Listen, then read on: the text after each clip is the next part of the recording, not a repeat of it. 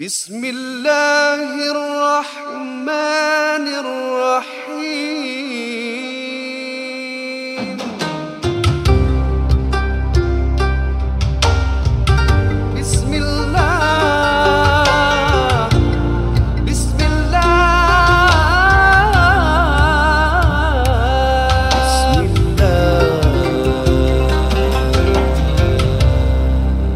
Selamat kembali dalam podcast NGU. Ya. Uh, Ana Azhar Ismail. Ana Ahmad eh sorry Ana Dinur Rahim nama betul lah ya. Kita Ana teruskan. Raja Razi. Mhm. Ya. Ana Benana. tak ada. Ana Ana Dan Banana. Anta adalah Ustaz uh, Nuzwan. Ya. Dan Nahnu menjual uh, Nahnu siapa? Nahnu kira kami kami. Oh, kami, Ah, eh? ah, Nahnu menjual NGU Nazif sabun harian dengan kuasa daun bidara untuk antum semuanya untuk menggunakan uh, untuk pembersihan diri dan juga ini adalah uh, sikit sebanyak ada daun bidara dalamnya disyorkan oleh Rasulullah SAW sendiri juga Hmm. dan harganya pun uh, 12 dolar 50 sen. Fantastic. Ya, tak termasuk pengantaran tetapi kalau korang beli 60 dolar my ke gosh. atas pengantaran adalah percuma guys. Yeah, yeah. Jadi untuk tempahan lungsuri saja www.ngu.sg garis miring shop. Awesome. Mhm. And now it's on to the show.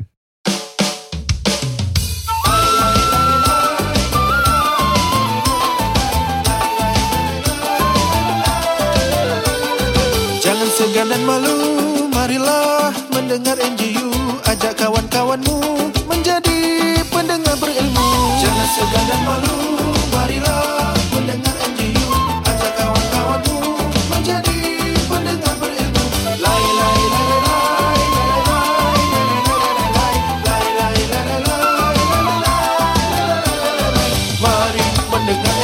Selamat kembali dan soalan uh, akan ditanya kini eh. Ya Ahai, saya. hoi.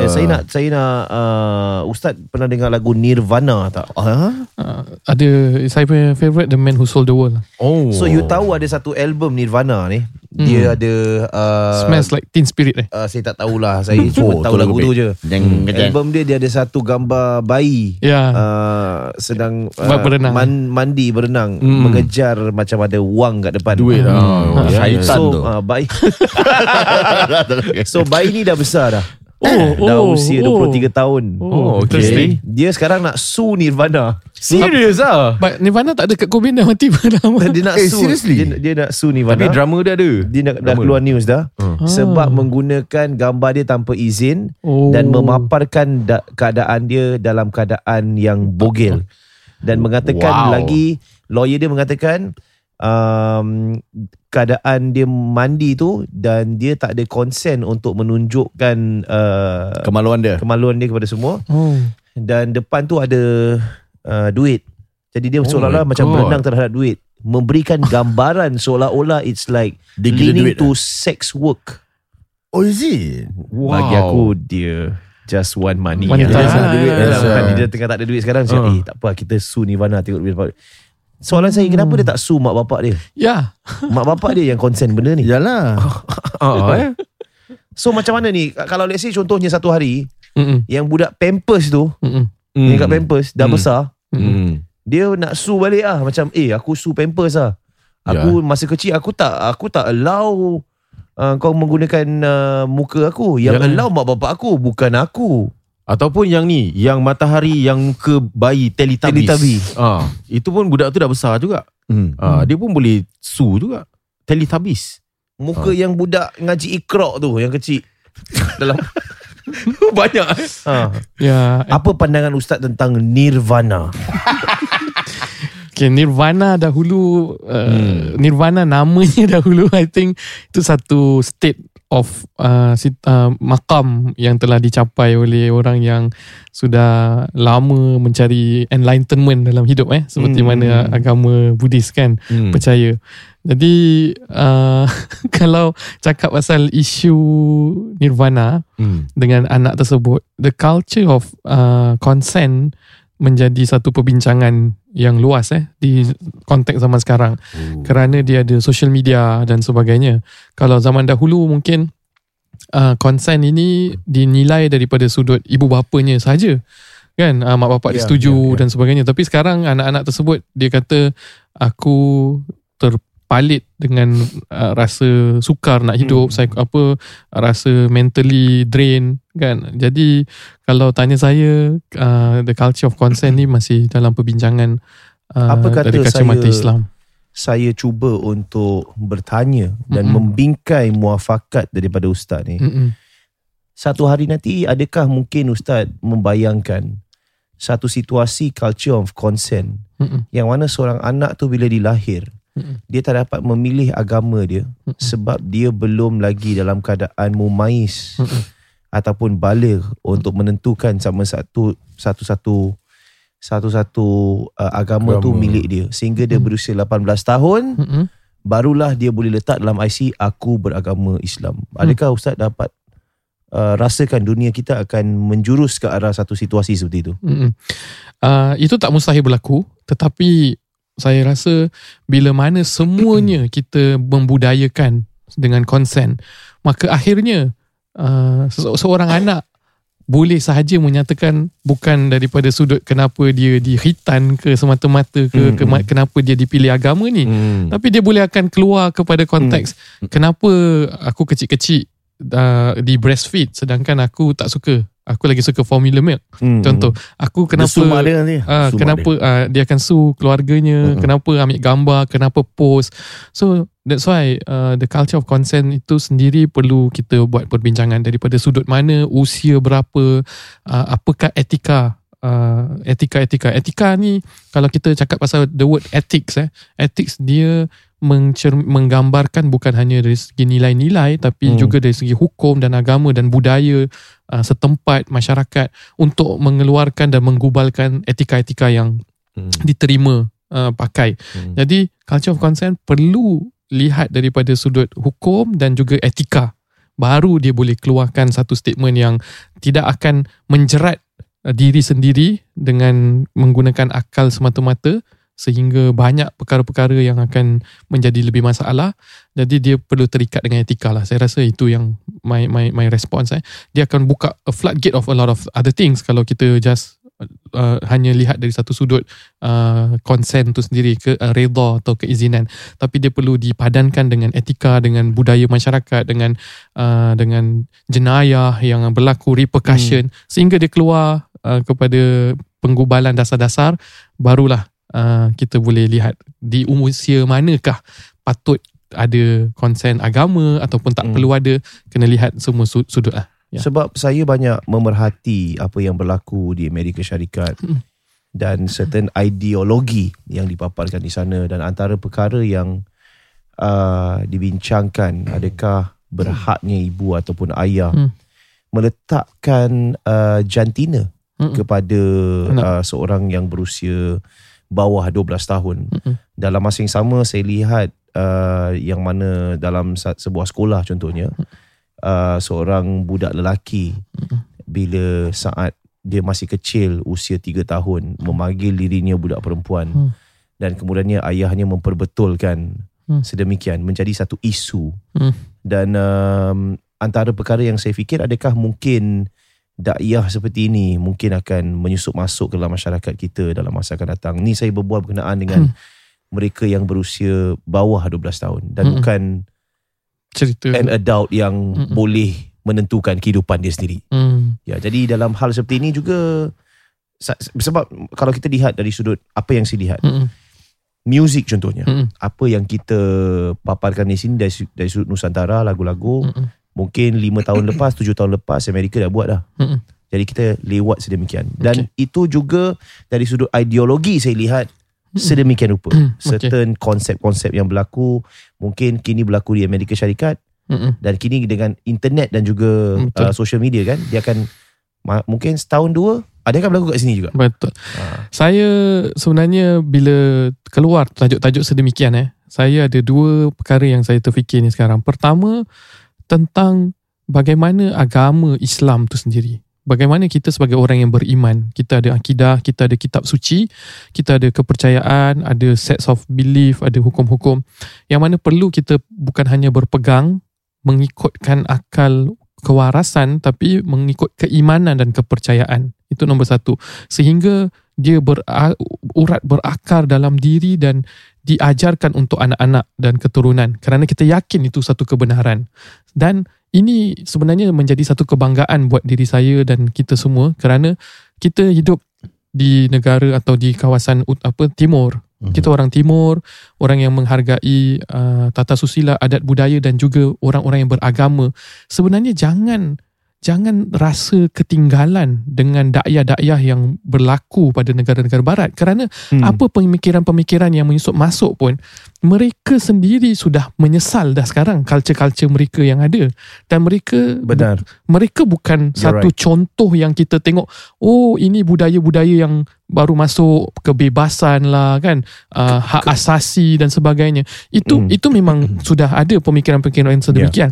Tapi jangan sampai kita terbawa-bawa sehingga kita merasakan itu satu ukuran kejayaan. Sedangkan mereka sedang menghadapi permasalahan sosial permasalahan keluarga. So kenapa kita nak merasakan bahawa apa yang dibawakan daripada pemikiran mereka itu adalah satu kemajuan dalam Hmm. kehidupan kita? Kita budaya uh, orang orang apa timur dan orang yang beragama seharusnya merasa bangga dengan ada kepercayaan-kepercayaan yang menjaga diri keluarga uh, kebenaran masyarakat kita setelah uh, selama berapa ber- berabad pun telah terbukti daripada nak menerima uh, pandangan-pandangan dan idealisme-idealisme yang yang telah Hmm. mereka bukti terbukti apa uh, kecelaruan yang berlaku Ya. itu pandangan saya lah Terima kasih. Cuba saya bertanya sebagai seorang ayah yang prihatin. betul Itu saja. Sebab ini adalah like it or not uh, cabaran dalam masa akan datang. Tidak kisahlah kepercayaan siapa Mm-mm. yang sedang mendengar di mana aliran kamu berfikir atau mazhab mana yang Mm-mm. kamu ikut.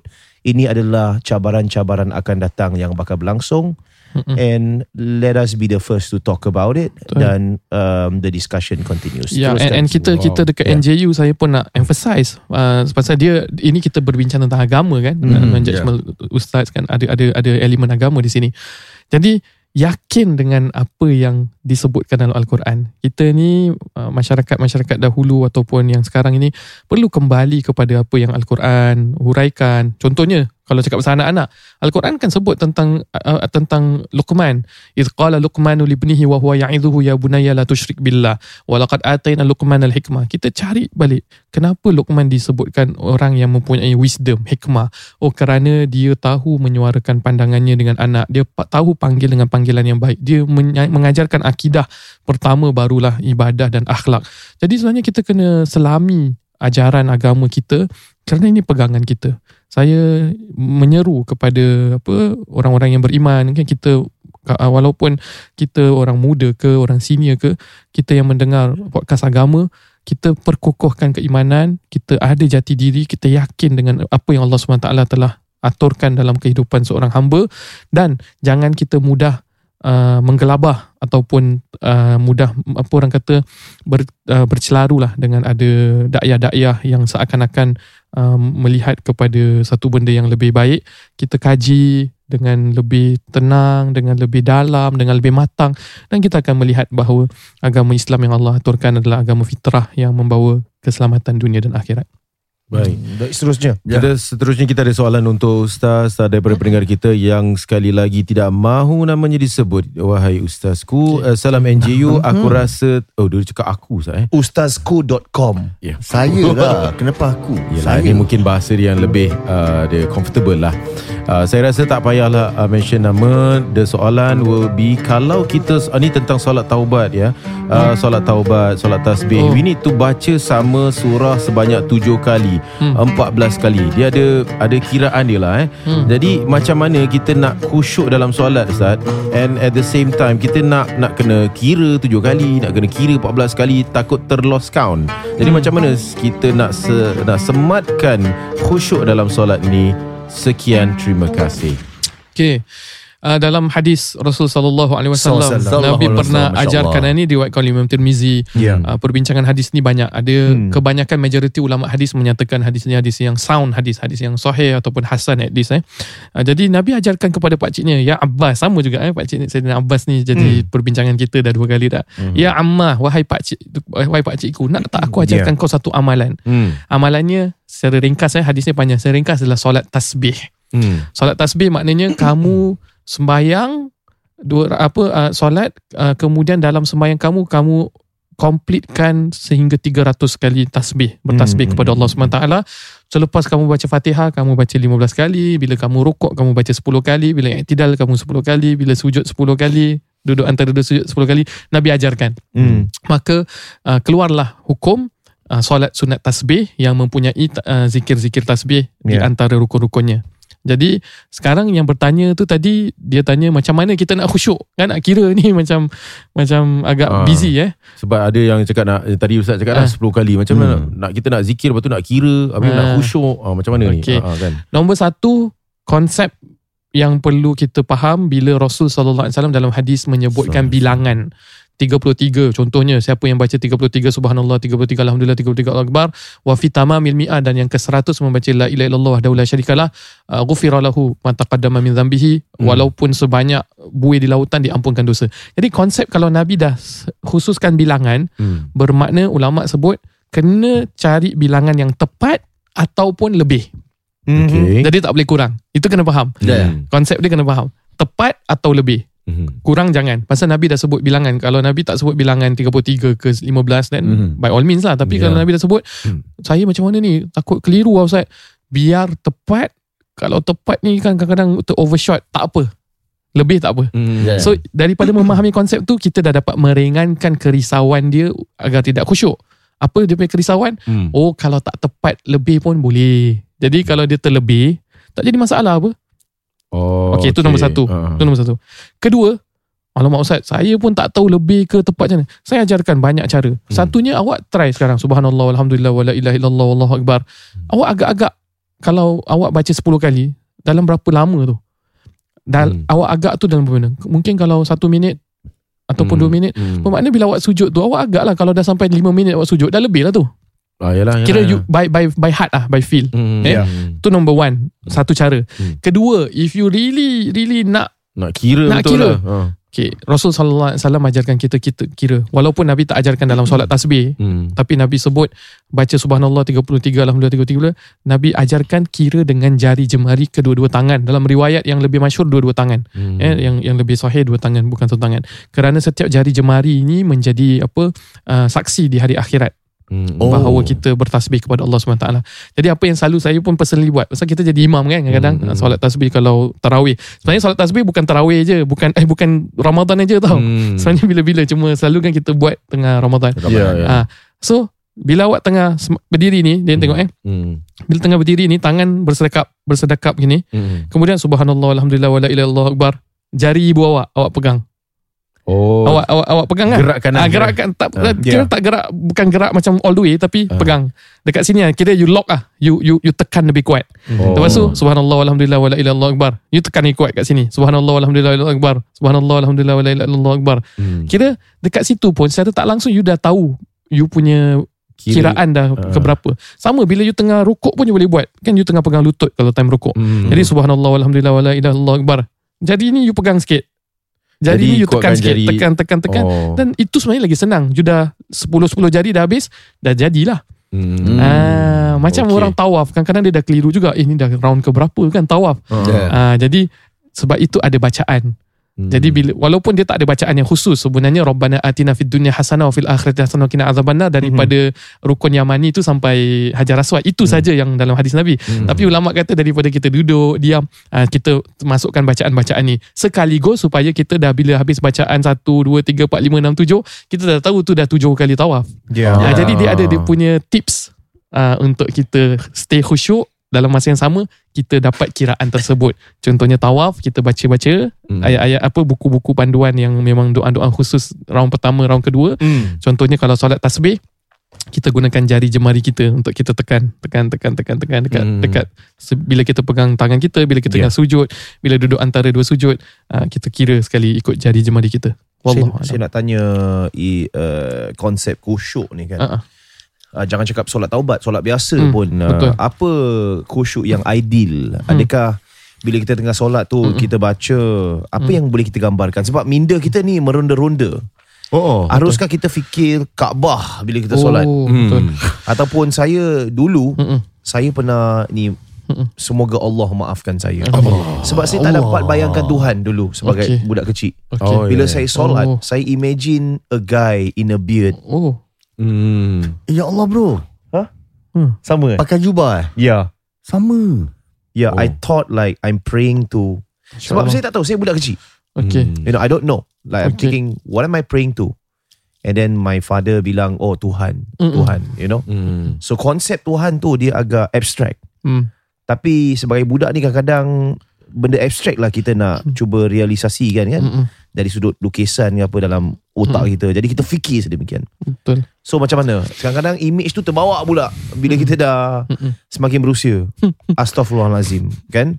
Eh betul lah Tapi tapi saya Sama juga Saya tanya Hmm. kepada bapak saya ah. Macam masa semayang ni Kita nak ingat macam mana ni Dan Ya. bapak saya macam Yalah of course Dia nak trying to explain. Mengajar kita Ah. Okay ingat ni Alif lam lam ha je Ingat alif lam lam ha Itu Ah. dia punya That's the Ya. figure Ah, Figura ah, yang kita nak visualize kan Okay. Ya, ada ada macam cakap itulah. Ah. khusyuk Uh-uh. fokus kepada bacaannya. Ah. Jadi kita baca bacaan dalam otak kita kita nampak nampak mukadam, nampak Quran. Ya ya ya Jadi macam mana tu? Adakah itu khusyuk yang ideal? Hmm. Fitri eh, tak ada.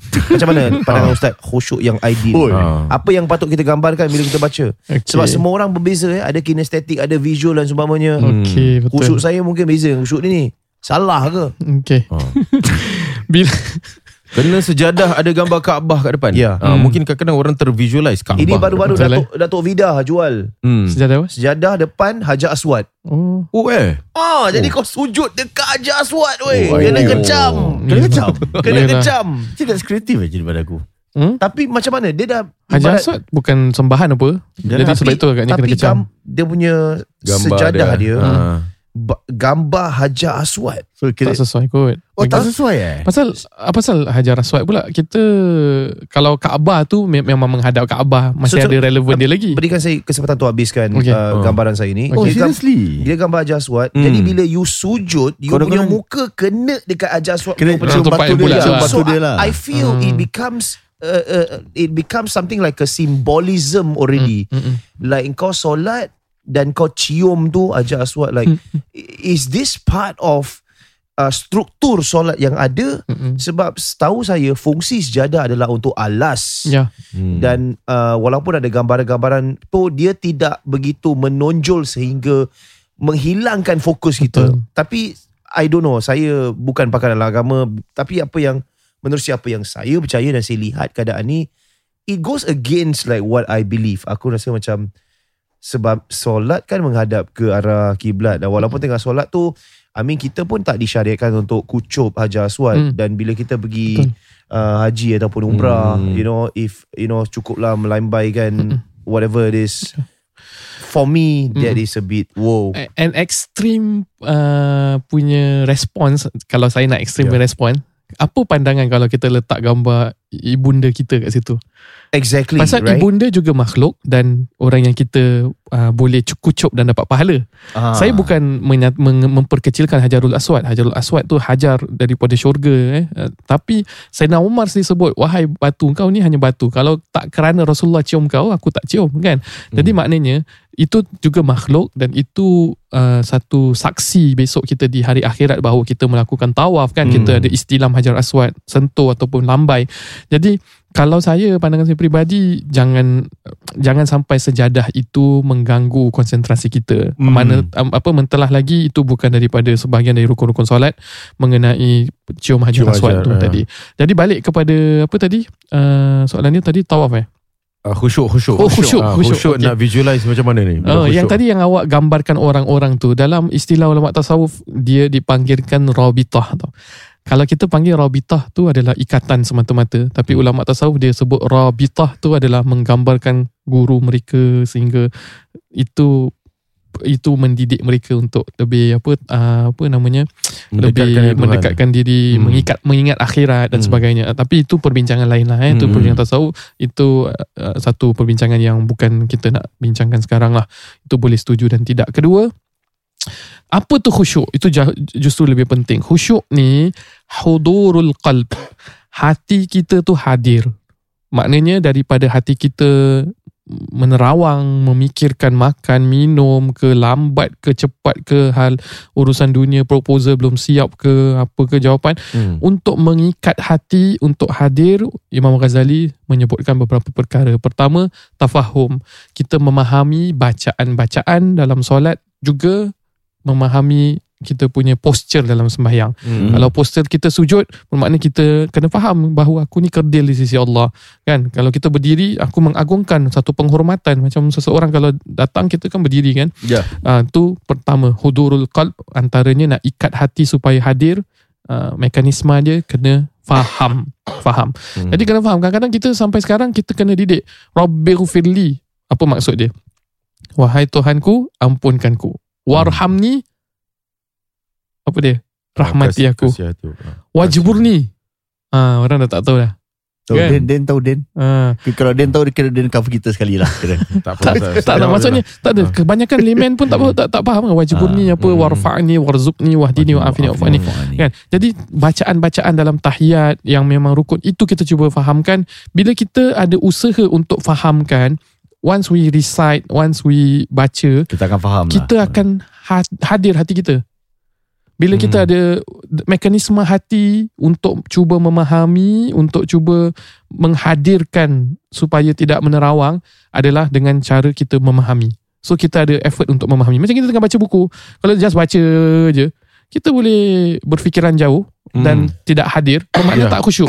Ya, Tapi kalau ya, kita ya, cuba ya. fahamkan bacaan apa WhatsApp kita ke tulisan tersebut, kita tengah the process, the mechanism kita cuba nak fahamkan. Makna hadir hati kita, bermakna khusyuk kita kepada Allah. Kedua, ta'zim.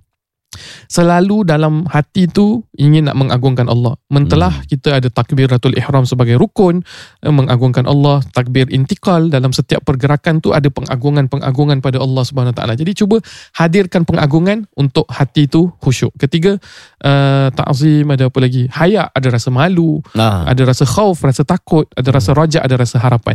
Jadi cuba datangkan perasaan-perasaan ini, mekanisme-mekanisme ini untuk hati tu hadir Ya. dan itulah sebahagian daripada istilah memahami apa erti khusyuk dalam solat. Wow, alam Okey. Ya. Ada soalan lagi mungkin? Ada sempat lagi satu soalan? Uh, sempat. Mana Ustaz ni nak tanya pasal Ringkas ya. uh, tentang faraid boleh Ustaz? Hmm, boleh boleh bismillah. Boleh eh bismillah. Apa pendapat Ustaz kalau kita bagi sama rata? Eh, tak ada. Eh, sebenarnya kalau semua Hibah ahli boleh kan? kalau semua ahli keluarga setuju tak ada masalah. Bagi semua Kalau tak ada semua masalah ah- kan? Semua Harus diwasiatkan atau macam mana? Tak, atau tak, maksud- dihibahkan macam mana? maksudnya apa? Dan this agreement Oh. untuk bagi sama rata. Ha. Is it enough untuk verbalize it Tak atau boleh, tak perlu? boleh. Pasal kalau salah seseorang daripada ahli waris yang menerima haknya contoh sepertiga dan dia tak setuju, aku aku nak sepertiga pasal memang Faraid cakap sepertiga. Bermakna tak boleh lah Pasal dia nak hak dia diberikan sepertiga So boleh contest lah Kalau ada black and white ke apa Memang boleh contest Kalau dari segi undang-undang You contest pun Kalau uh, Kalau apa uh, Saya tak pasti ya Dari segi AMLA Punya undang-undang Dengan Ya, dari ya, segi ya. ni Macam mana siapa yang akan Lebih Lebih tepat itu Kena tanya Apa lawyer dan sebagainya lah hmm. Oh, Ah, apa kira kan soalan? as simple as macam kalau macam bapak saya tinggalkan 10,000, bapak tinggalkan 10,000, kita ada 5 adik-beradik. Okey, seorang 2,000. Okey, semua setuju eh? Uh, tak payah ikut Faraid lah. Kita kasi sama rata lah. 2,000 Semua setuju. Setuju. Kakak setuju Abang setuju Setuju. Settle. Jadi Tu boleh lah Jadi bapak kasih tu masih hidup. Itu tak, yang bapak dah tak ada. Bapak tak ada. Contohnya bapak tinggalkan 10,000 Contoh ni as, as simple as that lah. Ah, Siapa yang Ah. cakap tadi tu? Yang kita bagi tu semua Siapa yang cakap? Kira abang lah Abang abang long lah Cakap. Okay ni Ah. Okay setuju eh? 10, Seorang 2,000 Habis kakak setuju Setuju setuju setuju. Okay kita settle tak payah ikut Faraid eh Boleh? Mm-mm. ah, Macam gitulah. As simple as that Hmm, contohnya. Jadi kalau semua adik-beradik tetapi nak kena fikir dia bukan hanya adik-beradik dan anak-anak aje. Hmm. Dia ada suami kan. Ya ya Dia ya kira semua ashabul furud. Kita kata semua orang-orang yang wajar mendapatkan I hak see. tersebut setuju. Dia bukan anak-anak aje. Pasal kalau anak kata setuju setuju setuju. Maksud uh, sebenarnya adik-beradik pun dapat juga kan. Ah. Sebenarnya contohnya suami pun dapat juga. oh. Kau setuju setuju aku punya hak. Dia nak kena semua yang memang mendapat hak. Yang dapat Uh, setuju. okay. Baik. bukan hanya adik-beradik. hmm. Mm-mm. Apa tadi soalan Sorry, dia? Ah, sorry, soalan dia seterusnya. Um, saya ada soalan berkenaan faraid. Saya baru sedar uh, Hmm. kalau suami meninggal tanpa anak, Mm-mm. pembahagian harta pada isteri adalah satu per empat. Mm, mm, mm, Tapi Mm-mm. kalau isteri meninggal tanpa anak, Mm-mm. suami dapat setengah. mm. boleh tak jelaskan mengapa suami perlu dapat lebih walaupun tiada anak?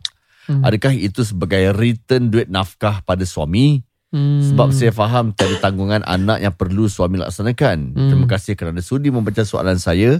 Jadi sebelum Ustaz jawab soalan ni, saya nak tanya Ustaz ni, macam contoh saya ada adik-beradik perempuan. Mm-mm. Ya, jadi kalau adik-beradik saya yang wanita yang dah berkahwin, Mm-mm. faraid dia tak dapat apa-apa kan? Daripada harta awak lah. Daripada harta bapak lah contoh. Uh-uh. Kalau orang dah berkahwin, dapat jugalah. Oh dapat juga ah, Dapat. walaupun dah berkahwin. Ah, Ah, saya salah, dapat. saya salah.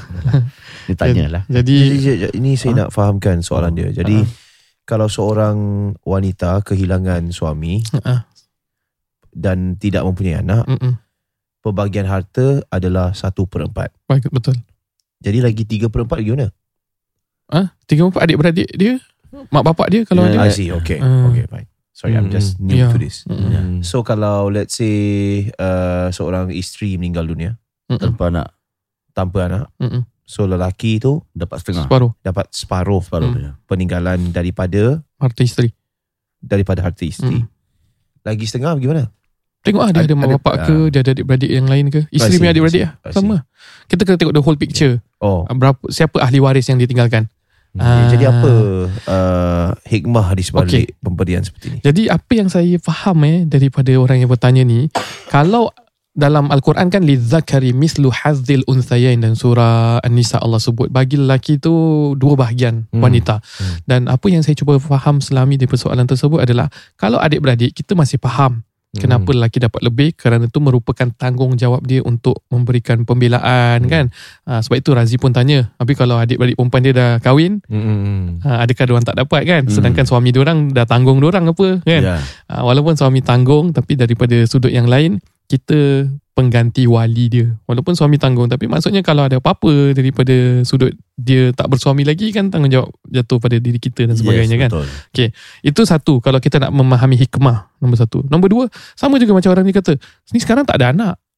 Kalau isteri dapat seperempat tak ada anak Kenapa suami boleh dapat setengah Setengah. pula Padahal sama-sama tak ada anak Tanggungan bukan tanggungan anak Hmm. Adakah kerana dia dah invest banyak dekat isteri dari sudut nafkah Saya katakan gini Kita nak cakap dari sudut hikmah dan akal Kita tak boleh Apa Carpet everything Broad brush. tak boleh buat brush. Pasal setiap uh, individu dan setiap situasi berbeza. Maka faraid ini, saya punya jawapan, respon kepada orang yang bertanya, faraid ini adalah salah satu instrumen sahaja untuk mendapatkan keadilan dan untuk setiap orang itu dapat pembelaan. Jadi kalau satu sistem ni, dia bila pusingkan kat sini, contohlah rumah. Rumah. Hmm. Zaman sekarang dengan zaman dulu. Zaman dahulu rumah adalah satu harta yang perlu difaraidkan. Betul tak? Okay. Ya, betul. Bila dah meninggal salah satu pasangan. Hmm. Tapi sekarang fatwa tidak. Fatwa baru yang fatwa baru telah. Ya, tak boleh. So, adakah kita nak katakan dengan cara tersebut semua mendapat pembelaan? Tak juga. Ada yang isteri ke suami ke pasangan dulu tak pernah bayar, tak pernah betul juga. Tiba-tiba bila pasangan dia meninggal dia dapat semua. Ya. ya. Ada yang adik-beradik dia pun perlu dapat hak pasal adik-beradik dia tu memang tolong dia ke mak bapak dia tu pun memang dari segi agama dah pernah melahirkan dia perlu dapat hak. So we cannot use a system yang boleh mengadilkan semua. Sama Hmm. juga faraid. Ini yang seseorang tu perlu faham. Bila bincang tentang faraid, dia salah satu instrumen yang digunakan dalam Islam untuk mendapatkan keadilan buat semua. Jadi kita jangan tengok hikmah dia, oh, oh ni, ad, ad, ni tak ada anak. Kenapa kena dapat ni? Ni tak ada anak. Jadi gunakan instrumen-instrumen lain. Maknanya kalau sang isteri nak dapat separuh daripada harta suami seperti mana yang diklaim kenapa suami boleh dapat separuh, jadikan hibah daripada awal. Di situ ada instrumen lain kan. Hmm. Nuzriyah kan. Ha, kalau perlu wasiat selain daripada ahli waris tu wasiat daripada awal. Jadi faraid salah satu instrumen untuk mendapatkan keadilan. Itu Jadi my response. ini yang saya nak tanya dari sudut keadilan apa Hmm. uh, yang dapat kita lihat sebab saya saya lihat dari sudut mata kasar saya bukan agamawan Hmm. saya adalah karyawan saya adalah orang biasa lah. Ya. sebab kalau I Biasawan. literally ya saya biasawan lah Hmm. bila saya lihat peruntukan untuk uh, seorang isteri Mm-mm. bila suaminya meninggal seperempat berbanding dengan peruntukan untuk seorang suami. Bila isteri dia meninggal hanya setengah, saya lihat ini sebagai satu ketidakadil, ketidakadilan. Mm-mm. Bila ustaz menggunakan ini satu instrumen untuk pembelaan hak dan untuk satu sistem untuk Mm. menjaga uh, I don't know lah apa yang telah ustaz Mm-mm. katakan Mm-mm. Di mana pembelaan dia Mm-mm. bila Mm-mm. dari sudut nisbah sudah tidak ada Mm-mm. sudah tidak ada adilnya di sana. So bila kalau kita gunakan uh, half ataupun one quarter and then there's a number already kan dia dah dah, dah khususkan Ya, number. ya, ya, ya. So number dia je dah tak even apa. So macam mana nak Ya, nak ya. adil? So that's why we say uh, this system digunakan untuk kita cuba mendekatkan kepada apa yang paling tepat dan paling adil. Contohnya uh, sang suami, sang isteri mungkin dah pernah invest banyak, mungkin ada tanggungjawab-tanggungjawab orang lelaki lain kepada ibu bapanya yang memerlukan harta dan sebagainya. Tetapi untuk kita cakap oh sistem faraid is no, kita tak boleh pasal kita kena ambil sistem faraid ini dan sistem uh, kewangan Islam ni daripada semua sudut instrumen yang ada. Ibarat eh, ibarat macam instrumen gitar lah. Cakap eh gitar ni tak masuk ah. E minor ni tak masuk ah kalau lagu ni. Hmm. No, you you have to look at you ada piano, you ada drum. Dari sudut itulah keadilan Islam tu sendiri bukan hanya dari sudut satu faraid semata-mata. Kalau kita nak tengok dari sudut faraid semata-mata, sukar untuk kita nak uh, mencapai keadilan yang mutlak untuk semua. Hmm. Walaupun numbering tu kalau kita kita ambil number je kan. Okay, kita kecilkan scope tu number half and one quarter. Definitely we will see tak adil lah. Hmm. Tak tak payah cakap zaman sekarang daripada zaman dahulu pun dah kira tak adil pun. Ya. Tak payah cakap orang pergi bekerja ke tak pergi kerja. Half and quarter. That's not equal already apa. Hmm. Regardless you kerja ke, what's the norms for the society ke, numbers dia je dah tak adil. So But you have to look at the whole instrument. betulkan saya kalau saya Hmm. salah saya ini saya Hmm, hanya yeah, membuka layman, you know we are in a discussion Correct. bermaksud kalau dari sudut itu kita lihat sebagai satu ketidakadilan Hmm. would you then agree kita harus lihat dari semua sudut yang rasanya ada ketidakadilan contohnya Mm-mm. pemberian nafkah daripada suami Hmm. hanya kepada sang isteri Hmm. maka kalau ingin betul-betul ideally Mm-mm. Atau I would say a radically left kind of ideal Mm-mm. would be suami tak payah kasih nafkah pada isteri, isteri tak payah kasih nafkah pada suami lah. Hmm. Dua-dua contribute together. Hmm. Ideally in a situation where dah tak perlu lagi Hmm. pemberian peruntukan setiap bulan. Hmm. Grocery sama-sama. Hmm. Bumbung rumah sama-sama. Hmm. Pakaian dua-dua maybe spend on their own. Basically go Dutch. Bab naf- Dan ya. keadi- keadilan Mm-mm. dari sudut gender specific roles in in Hmm. religion. Mm-mm. Imam mungkin Hmm. apa hikmah Mm-mm. lelaki jadi imam? Mm-mm. Make it open lah. Ya. Baik. Like whoever who's educated enough in the field of religion Mm-mm. jadi ya imam. Mm-mm. Regardless Ya. the Gender. gender specified. Okay. Saya rasa How do you feel about saya rasa about about hukum of course eh kita kita ni cuma satu perbincangan eh. Yeah. Kita pun tahu kalau kita nak cakap semua dalam al-Quran dan hadis dan ikut daripada ajaran Rasul SAW kita ikutlah. Kan? Yalah, of Ma course. atakum rasul fakhudhu wa manahakum anhu fantahu. Ya, Apa ya, yang ya. Nabi larang itu dah tak ada perbincangan dah. Kalau Ya. dah gitu kita pun tahu agama terbina atas ta'abudian kan atas penyembahan pada Allah. Tapi for the sake of discussion dan argumentation Hmm, ya. hmm, Uh, pertama kalau pasal solat wanita ataupun gender yang lain ke depan dia Yeah, I hope I'm mungkin not putting you in an No. uncomfortable position because ada. these are things that people, people actually ask talk about yeah people ask on yeah. social media and I see no Mm. one Mm-mm. I mean at least locally Mm-mm. wants to talk about it Mm-mm. macam Mm-mm. pihak agamawan. I hope I don't put you in an uncomfortable Oh, position. yeah. InsyaAllah For the sake of discussion kan Kalau saya uh, Melihat kepada uh, Imam imam terlebih Imam dahulu lah. uh, uh, Satu tentunya Tidak pernah Sepanjang uh, Kehidupan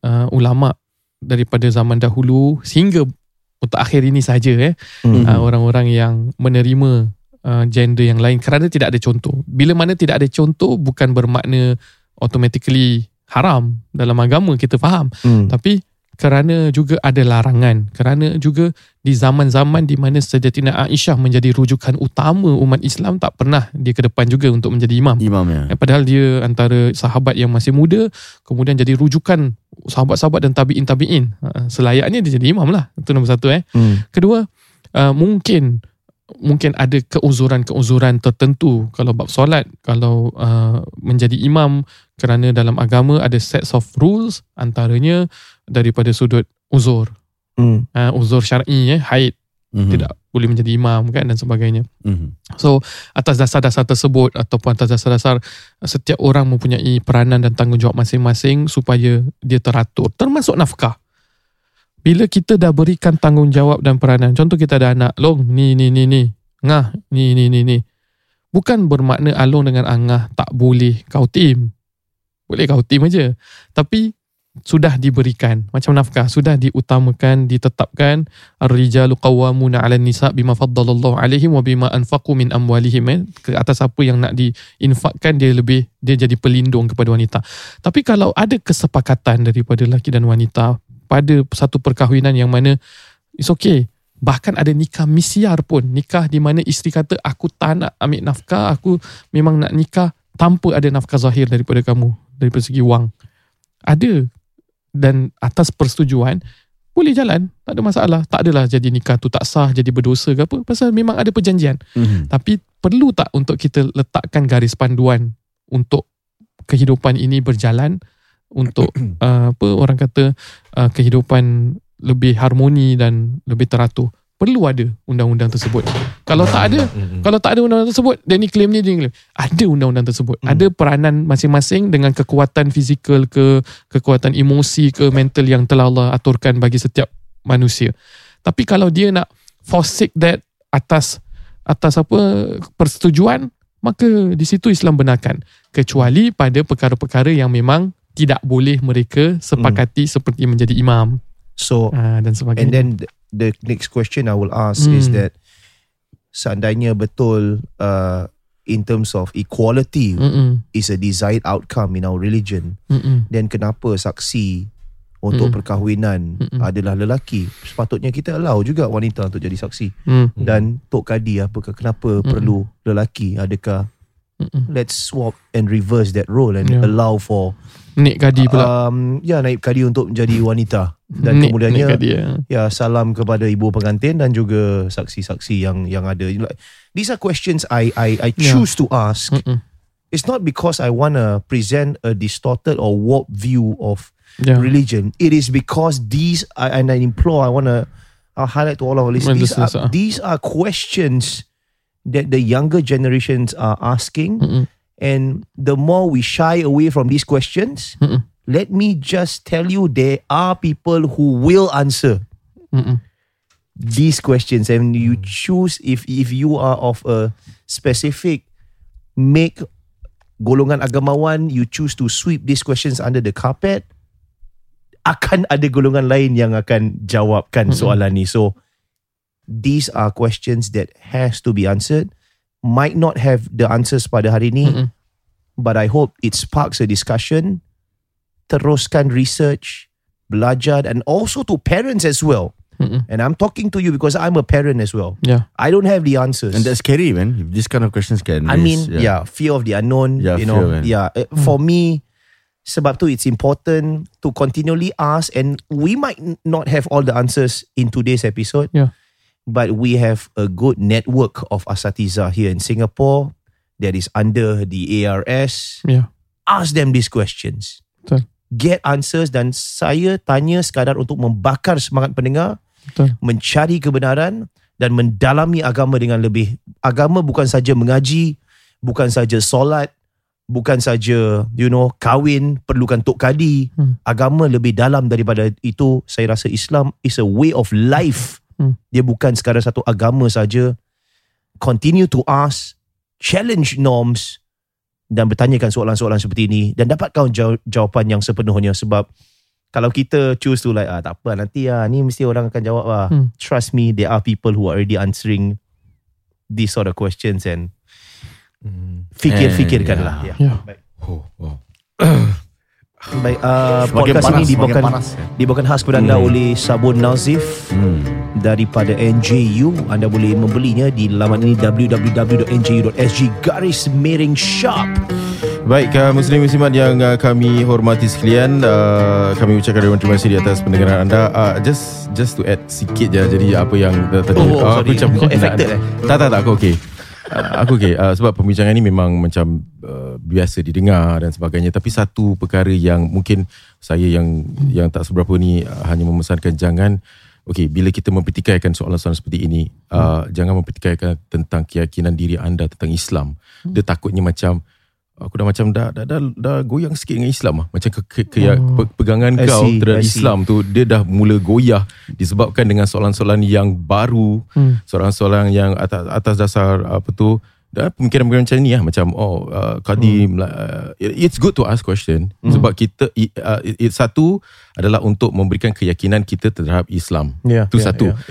takut-takut satu lagi adalah pemikiran yang eh macam mana Islam? Ni Islam ni betul tak betul ni? Hmm. boleh boleh ke Hmm. arah situ juga? Hmm, hmm, hmm. bila ba- per, uh, banyak lagi uh, pertikaian yang dibuat yang mana bagi aku tak salah juga. Bagi Hmm. sebab benda ni bagus. Macam tadi macam tadi Ustaz Nuzan menerangkan dengan sikit banyak tadi sikit.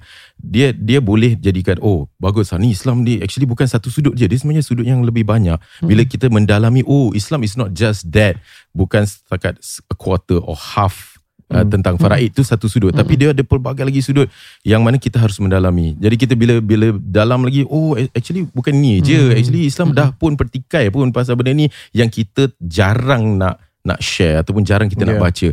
Uh, itu itu yang baik lah dan, dan satu yang keburukan yang saya agak khawatir dan aku agak khawatir is more on like Ya aku go, dah goyang dengan Islam Macam mana Islam ni? Dia macam ni? Islam ni asyik nak lelaki je Tapi Yeah. perempuan lah macam mana? Uh, ja, uh, Takut-takut uh, Boleh terjadi pemikiran seperti itu. It's good that you're feeling this because I interact with people like this Exactly bro. every single day. And uh, I think for me it's because the lack of voices to address these matters. Dia, lack dia, of reason voices dia to, lebih kepada macam menjuruskan Untuk mencari kebenaran Islam tau. Bukan menjuruskan kepada macam Just to throw doubts about Macam aku dah Eh Islam ni macam mana? Uh, Itu je. Macam kalau I kau see. bertanya uh, Untuk lebih mencari Oh Islam style lah. Dia ada Oh dia actually dah bincang pun Pasal benda ni. Hmm. Oh cantik lah Style Research Research Research Untuk mencari kebenaran Dan dia bukan mencari Untuk mencari kesalahan tau. Dia mencari Yalah, kepada macam- kebenaran. Macam rukun iman Ada orang tak percaya rukun iman lah. Macam Ya, macam budak-budak percaya ni Percaya ni Macam we heard about uh, question from a, a young guy pasal Yeah. macam eh aku I don't know I, I, I remember Raz- Razi tanya soalan daripada seorang uh, Gen Z atau orang Pasal muda. Tuhan ya Tuhan. It's something like that. Macam tapi dia awal dia punya pertikaian dia macam oh bagi aku macam aku tak tahu macam mana boleh nak, uh, aku macam dah tak percaya sangat tentang Islam disebabkan tentang satu soalan yang yang yang Tak yang orang satu lah. soalan ni ah, macam gitu tau. Ya. Macam risaunya lebih kepada itu menjuruskan Macam pun ke- ada orang pun tanya Kenapa Nabi semua lelaki Kenapa tak ada wanita Uh, something Ah, like that lah, something like that lah. Hmm. Ya, yeah. so dia, dia dia dia lebih kepada diri jati diri sendiri. Sebab ada yang bertanya sebab aku tanya dia ada dia ada tiga different kind of so uh, uh, bertanya. Satu tanya sebab nak tahu. Yeah. Satu tanya sebab aku nak slam kau, aku nak kasih kau tahu. I mean, satu lagi tanya untuk memalukan. There's Mm, mm, three different kind of nak tanya. Of so questions lah hopefully lah aku harapkan agar bila bertanya tu adalah atas dasar bertanya sebab untuk mencari kebenaran dan keunikan Islam kebenaran Islam lah basically it's just that lah. Itu je sebab takut agar pendengar kita ni lebih menjurus kepada ke, ke uh, kebenarannya lain daripada macam oh, macam mana eh? Aku dah goyah dengan aku punya iman aku disebabkan Yeah. dengan new questions that coming up from uh, the, the the the new generation like that. Generation which is not wrong. Yeah. Sebab benda ni memang sebab Islam menjuruskan kepada education ilmu Yeah. berkasih orang berfikir berfikir lagi berfikir it's Yeah. not just like aku aku ikut sebab akunya uh, orang tua aku buat apa Mm-mm. Ya, something like ya. that so so tak menggalakkan sangat sebab eh, Islam memang menggalakkan education belajar so basically just that lah just from my lah Yeah, from my I think I think it's a good discussion. Hmm. Maksudnya kita walaupun dalam membuka ruang dan kerana kita uh, address pertanyaan-pertanyaan yang memang dalam masyarakat Hmm. bertanya dalam masa yang sama perlu kita tekankan aspek keimanan dan mencari kebenaran tu kerana dalam masa yang sama uh, soalan-soalan ataupun pertimbangan-pertimbangan ini bukan hanya kita tak tahu hikmah dan dan mendapat hikmah dan pengajarannya. Hmm. Ada kalanya kerana kita berada dalam satu konteks dan kehidupan yang sudah jauh daripada fitrah dan sudah jauh daripada uh, kebenaran dah Hmm. di dah dikaburkan apa maksud kebenaran belief sistem kita sehingga kita tak dapat nak uh, nak melihat uh, mana keadilan yang mutlak itu satu baik jadi uh, satu benda juga yang saya nak tutup juga sebelum uh, sesi ini adalah kalau kita perbincangkan alhamdulillah kita dapat satu jawapan ataupun kita uh, perbincangkan kerelevanan ataupun uh, hikmah dari satu perkara Hmm. ada kalanya hikmah dan relevan perkara tersebut tidak ada pada keadaan sebelum dan mungkin juga berubah pada masa akan datang. Hmm, hmm. Ya, pada masa akan datang dia boleh berubah. Hmm. Kan? Lagi 500 tahun apa yang kamu rasa relevan untuk se- Hmm. kalau cakap pasal gender lah eh Hmm. uh, se- sebuah sebuah gender ke depan mungkin tidak relevan 500 tahun akan datang. Adakah kita akan terus mengubah lagi hukum-hukum dan uh, ketetapan-ketetapan nas agama hanya kerana mengikuti uh, trend pemikiran Ideologi, ideologi, pemikiran dia, lain dan dia lah. akan berubah dan akan terus berubah. Jadi ada perkara yang kita lihat sebagai satu benda yang tetap sawabit untuk konteks mengikuti agama. Sebab Mm-mm. uh, don't get me wrong, like uh, saya faham berkenaan dengan Betul, agama. betul. Tapi apa yang saya lihat di TikTok contohnya, Contoh. Uh, persoalan-persoalan yang saya tanyakan ni, dia condense to 15 seconds and they're so effective. Betul. Yeah, true, Dan true. sebagai sebagai Hmm. seorang dewasa bila saya baca, saya tengok pun Hmm. saya lihat Betul. satu hari anak saya akan ada TikTok dan dia akan bertanyakan soalan yang sama. Hmm, hmm. So daripada saya mengatakan oh sebab ini ketetapan Tuhan, kita ikut je lah. Mm-mm. Hmm. That that dakwah tu mungkin zaman saya membesar dulu bapak saya ajar dengan saya saya boleh ikut. Betul. Zaman ni dah lain dah. Betul. True. There is true. no such thing as macam oh sebab al-Quran cakap gini. Ya, Orang nak tahu hikmah dia apa betul. kan. Kaji. Dan kekhawatiran saya juga saya melihat dari sudut reinterpretation of apa yang sudah pun ada dalam uh, legalities. Contohnya pembahagian faraid seperti Mm, ini. mm. Bukannya isu ini saya tak tahu sama ada satu hari akan apakah isu ini akan dibincangkan di parlimen nanti satu hari Mm, nanti. mm, mm, Isu seperti uh, you know kita sudah pun lihat banyak isu-isu Mm. berkenaan dengan uh, warga muslim di Singapura Mm, Hmm. sudah pun menyusup masuk Mm-mm. ke dalam perbincangan parlimen. Bagi saya itu satu detik yang mana kita harus ada persepakatan. Mm-mm. Apa yang kita mahu Mm-mm. daripada agama kita. Bagaimana orang luar melihat agama kita. Adakah ke belakang? Apakah justifikasi kita dengan nisbah-nisbah yang tertera dalam faraid dan seumpamanya. Ya. Jawapan ini bagi saya harus jelas. Betul. Supaya bila orang lain bertanya, kenapa agama kau macam ni? Kita Kita teguh. kita semua sepakat ada jawapannya. Kita tahu hikmahnya, kita tahu bagaimana untuk Betul. menjawab. Betul. Daripada diporak-perandakan mengatakan, oh sistem ini agak ke belakang. Kenapa satu per empat versus satu? Yeah, versus yeah, setengah. yeah, yeah. Kenapa Tok Kadi ni Mm, hanya lelaki? Ya. Hmm. Apakah tidak? Kenapa imam kau hanya lelaki? Sepatutnya boleh. Apa jawapan kita? Adakah kita macam, oh ini bukan, ini bukan Islam sebenarnya. Adakah jawapan kita sedemikian? Mm-mm. Kalau jawapan kita sedemikian, maka lemahlah Hmm. dari sudut justifikasi kita. Hmm. Bagi saya penting untuk kita ketahui how to justify Ya. uh, agama kita dengan betul. Saya tak kisah daripada sudut mana. Mm-mm. Lawyer ke, Mm-mm. doktor ke, Hikmah. ya technician sekalipun, Mm-mm. kalau orang biasa sekalipun, Mm-mm. kita mesti ada kekuatan ilmu untuk Betul. tahu Ya. apakah hikmah di sebalik Hmm. kenapa agama kita melakukan perkara ini, ini, ini dan ini. Ya, yeah, I, I think jangan jangan uh, salah faham eh apa yang kita perbincangkan, eh, especially knowing Zar personally, beberapa Ya, ya, begitu traditional sebenarnya beliau. Cuma ini yang perlu kita uh, perkasakan, bukan bukan kita uh, Ya, nak mem, ya. apa nak Ya. mem- mer- meriuhkan. Ada dua contoh tau. Saya saya boleh panjangkan sikit ni ke nak macam nak masuk mana? Uh, boleh, boleh. Boleh Kita eh? Dua contoh eh. Yang baru-baru ni memang realiti berlaku. Hmm. Di negara jiran ada satu TikTok cerita tentang uh, uh, agama. Kenapa kita bila cakap pasal agama kita, uh, agama kita lah seolah-olah yang benar. Kasihlah orang apa Ya, orang kan. Tapi dapat dijawab oleh asatizah di Hmm, sana hmm, hmm, dan menyatakan dalil-dalil daripada nas Ya, dan ya, setiap agama mestilah kena rasa agama dia betul. Ya. Bukannya kita paksa agama orang lain. Dan saya saya setuju 15 saat tersebut sebenarnya dia buat uh, some video Tik- TikTok orang lain boleh akan Oh betul lah mana boleh Ya. kita paksa-paksa orang. Tapi kalau dijawab dengan secara ilmiah dengan cara yang lebih dali, apa dalam amik lebih apa menyeluruh komprehensif dengan lebih penuh hikmah orang akan dapati bahawa oh uh, apa slogan slogan-slogan seperti ini tak tak tepat. Hmm, hmm, hmm. Contoh slogan mari kembali kepada dalil Al-Quran dan hadis.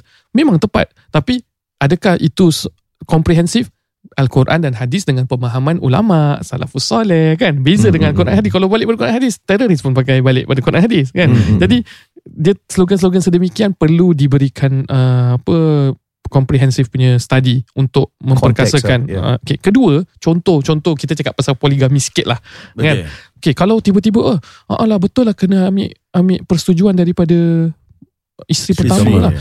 Of course, kita nampak macam, oh betul lah. Oh, memanglah dia yang terkesan apa dalam rumah tangga ni. Hmm. Tapi kalau kita bincang lagi apa prosedurnya? Prosedurnya kalau kadi yang ataupun saya I'm, I'm not talking as a kadi dekat- I'm not a kadi I'm a naib kadi saya tak bawa nama apa-apa persatuan ke apa Ya. tapi secara layman juga saya berbincang ataupun sebagai asatizah bukan sebagai naib kadi dan sebagainya bila seseorang itu buat some interviews dia akan pastikan keadilan tersebut walaupun tak mengesankan dirinya contoh kalau dia cakap sekadar konsen ataupun izin daripada pasangan kalau tak adil tapi pasangan konsen, adakah kita nak benarkan? Contoh, isteri ke perempuan tu kata, okey saya izinkan. Tapi lelaki tu memang tak adil, lelaki tu memang apa namanya, menzalimi dia, entah dia ancam ke, entah perempuan tu entahlah tak apalah saya kasih lah, Hmm. konsen lah. Hmm. Tapi dia sebenarnya tidak boleh berkahwin lebih daripada satu Hmm. kerana ketidakadilan dia, kerana kewangan dia, kerana agama, kerana kasih sayang, kerana apa all. Tapi isteri dia kasih. Adakah kita nak katakan dia layak untuk poligami? Kasih. Sebenarnya that's why that's why kita kena tengok. Kita tak boleh just oh ah lah kena consent isteri pertama. Kita kena tengok comprehensively. Ada banyak elemen-elemen. Ada banyak elemen-elemen. Ya. Dan dan saya tak tak ingin buat apa-apa statement kat sini bagi saya ada negara-negara saya pun setuju ada negara-negara yang membenarkan apa? Uh, yang, yang mengharamkan apa, ataupun tidak membenarkan suami itu kahwin lebih satu. Hmm. apalah Kazakhstan ke apa. Tapi oh orang dengar ah ada negara-negara tak benarkan.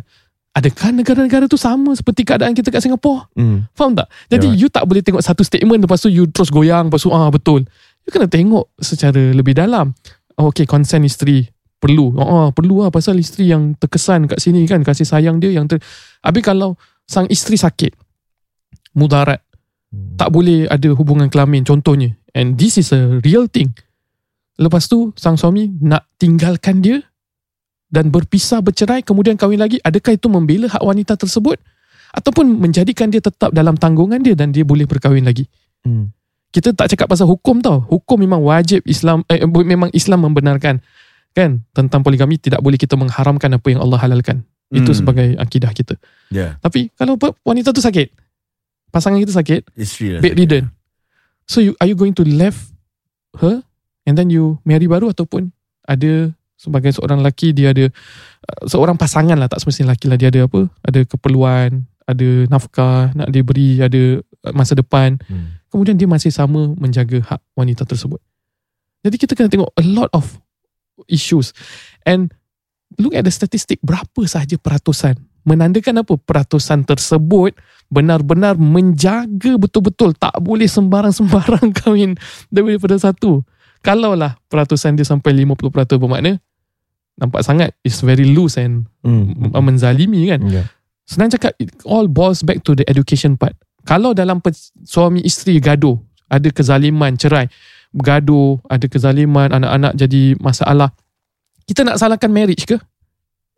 Instrumen ataupun uh, syariat perkahwinan tu, oh kita ban perkahwinan. Salahkan tak boleh. dia sendiri lah. Salahkan- Masing-masing lah. Masing-masing and the Yes. education about marriage. Jadi sama juga poligami ke apa kalau ada permasalahan terhadap ini, terhadap itu.